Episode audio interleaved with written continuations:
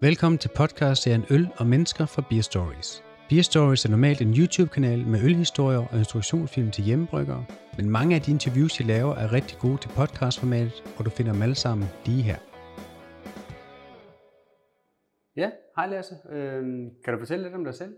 Ja, øh, jamen, mit navn er Lasse. Jeg er 36 år og øh, bor på Vesterbro og er rigtig glad for øl. Ja. Så det er så lidt af min baggrund. Ja. Og hvad, hvad med stedet Ølmand her? Hvad, hvad kan du fortælle om det? Jamen, det er et sted, vi åbnede her for en måneds tid siden, den 5. august. Øh, og det er en bar og bottle shop. Så det er jo sådan lidt en hybrid mellem en butik og en bar. Ja. Så altså, vi går meget ud af, at vi har, vi har mange valgmuligheder for køleskabet, og vi har de bedste øl, man kan få. Øh, og reglen er, at de øl, vi har, det er nogen, man ikke skal kunne få i supermarkedet. Ja. Så vi går efter de der niche-øl, de der lidt specielle øl, man ikke finder andre steder. Ja. Øh, og så kan man så vælge at drikke dem her, eller sætte sig udenfor, Ja. øh, eller tage dem med hjem. Ja. Det er sådan et konceptet. Hvor kommer navnet så fra, Ølmand?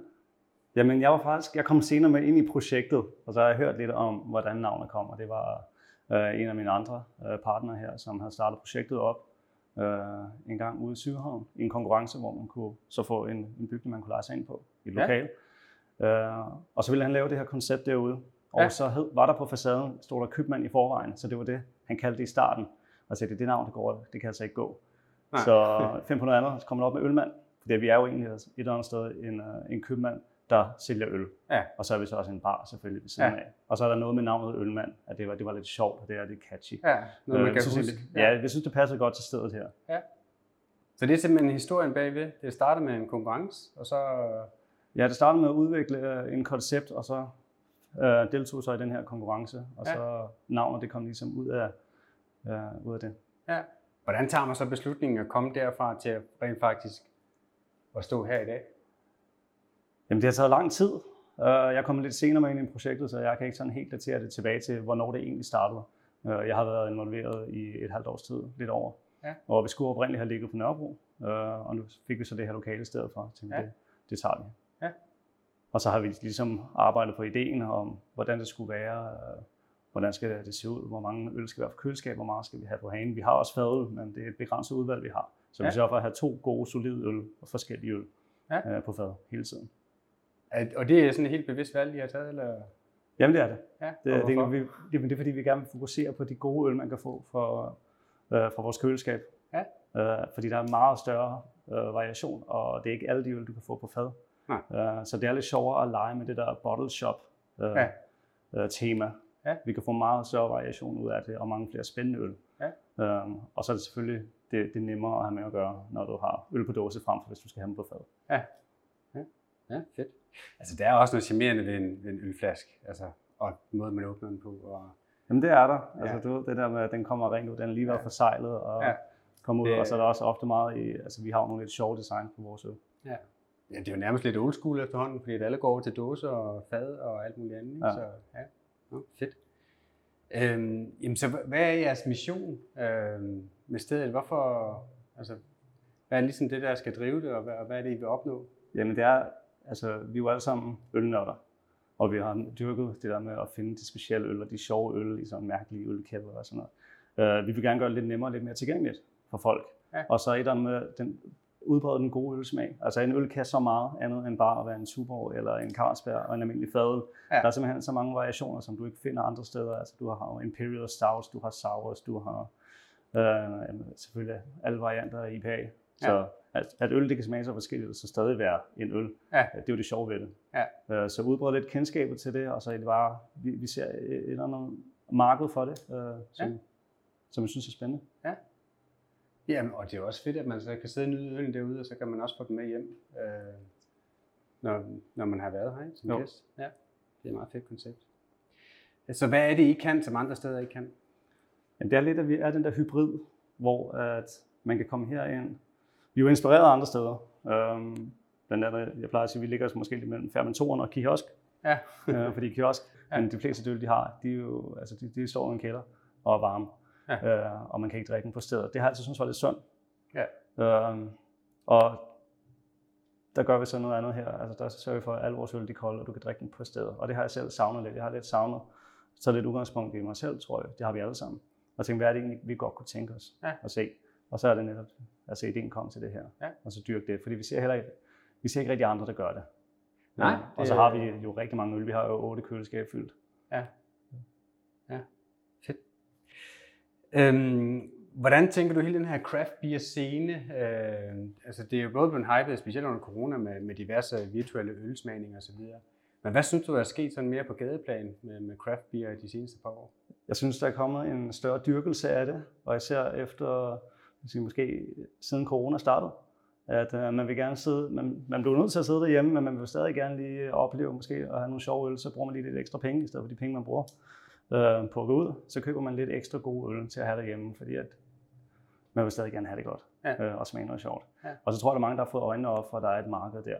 Ja. Uh, og så ser du også bare de her mikrobryggerier, der bare træder frem, og der, altså, det starter med Mikkel, og så kommer to øl, og så er de jo, dem kan, de er så blevet så store, at man kan få dem i supermarkedet nu. Ikke? Ja. Men der er så mange på altså de der helt små bryggerier, som ikke rigtig har den store distribution, Ja. som kommer frem og som laver verdensklasse øl. Altså Ja. Danmark er jo virkelig et stærkt sted på den front. Er det helt vildt, hvad vi har små bryggerier, som ja. Laver fantastisk øl? Altså, ja. Fedt. Og det bliver udviklet i alle retninger. Ja. Altså om det er stouts, eller om det er sours, IPA, eller øh, spontangærøl, og Ja. ja. så alle de der. Fra alle retninger. Så hvad, hvad kommer folk ind og, og efterspørger? Hvad er det, de siger, når de, når de sådan kommer? Jamen, de, de tager imod gode råd. Ja. Uh, de, altså, fordi at man, der er få, der har sådan kendskab til de øl, vi har. Uh, men det har vi jo selv, så selvfølgelig så, så vejleder vi. Uh, og så hører vi om, hvad, du, hvad, hvad kan du lide, hvad er du ude i. Ja. Uh, og så, så når du skal have en IPA, jamen, så skal du lige prøve den her, vi har fået fra, fra Rapus fra Letland. Det er rigtig, rigtig lækkert. Ja. Uh, og så tager de altså imod, mod de råd og, og følger den til dørs. Øh, er der også sådan folk, der kommer ind og siger, at vi skal spise det her i aften, og hvad kan jeg drikke til den? Eller hvordan? Uh, ikke som, jo, der er en, der kom ind i weekenden, han skulle vaske hjemme og hjemmelavet pizza. Okay. Øh, altså, altså, så tog han en, øh, en dritfontaine, en, øh, en sour for dem, og så Ja. ja. tænkte jeg, den, den, den passer godt til. Ja. Ja. Så ja, det er jo meget godt valg. Han søgte ikke rigtig øh, vejledning i forhold til netop det, altså, men han tænkte bare, den her, den spiller. Okay. Jeg tænkte også, det var et godt valg. Ja. Fedt. Ja. Øhm, hvad er en god øl i dine øjne, og hvad skal en god øl kunne? Ej, det skal gerne udfordre lidt. Altså, jeg, er utrolig træt af at drikke almindelig pilsner. Uh, så den skal gerne kunne noget mere end det også. Altså, der er også rigtig gode pilsner, som, som kan noget specielt. Uh, men skal gerne udfordre dig, og så give dig sådan mere end den der sådan individuelle oplevelse, hvor det du starter med at smage, det du slutter med at smage. Der skal gerne være Mm. flere nuancer i det. Ja. Altså hvis du tager en Imperial Stout, som er lavet på uh, caramel ice cream swirl, sådan noget. altså der er noget kompleksitet i den, ja. som du ikke bare oplever ved første gang, du hælder den ind. Det kommer efterfølgende, og der er også mange af de IPA'er, som har sådan lidt mere kraft og lidt mere krop, som, som også er sådan det er en helt anden oplevelse. Ja. Så den komplekse smag og... Ja, jeg skal gerne udfordre dig lidt. Ja. Og så, altså jeg er, jeg er utrolig glad for, for sådan dobbelt dry hopped, dobbelt IPA'er.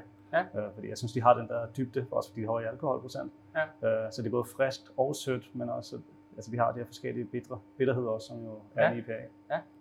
Det er jo også en af de helt store trends, så dem sælger I vel også mange af, kunne jeg forestille mig. Det, det er nok det, vi sælger mest af. Ja. Ja. Altså det er også det, folk vil have. Folk, altså, jeg tror, tre ud af fire efterspørger noget IPA-agtigt. Ja.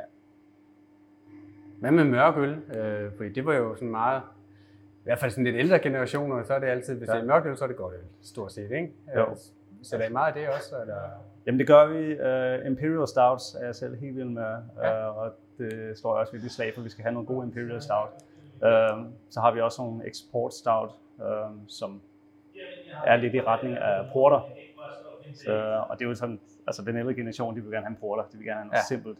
Ja. Uh, vi har jo sådan nogle, der hedder Dessert in a Can fra Amundsen, som er sådan helt vildt sjove, fordi der, der er simpelthen så meget i dem. Ja. Uh, der er nogen, der ligesom, altså de, de får et chok, når de smager det, fordi det er simpelthen for vild en oplevelse i forhold til, at man er vant til en porter. Ja. Så, men dem har vi også. Ja. Fedt.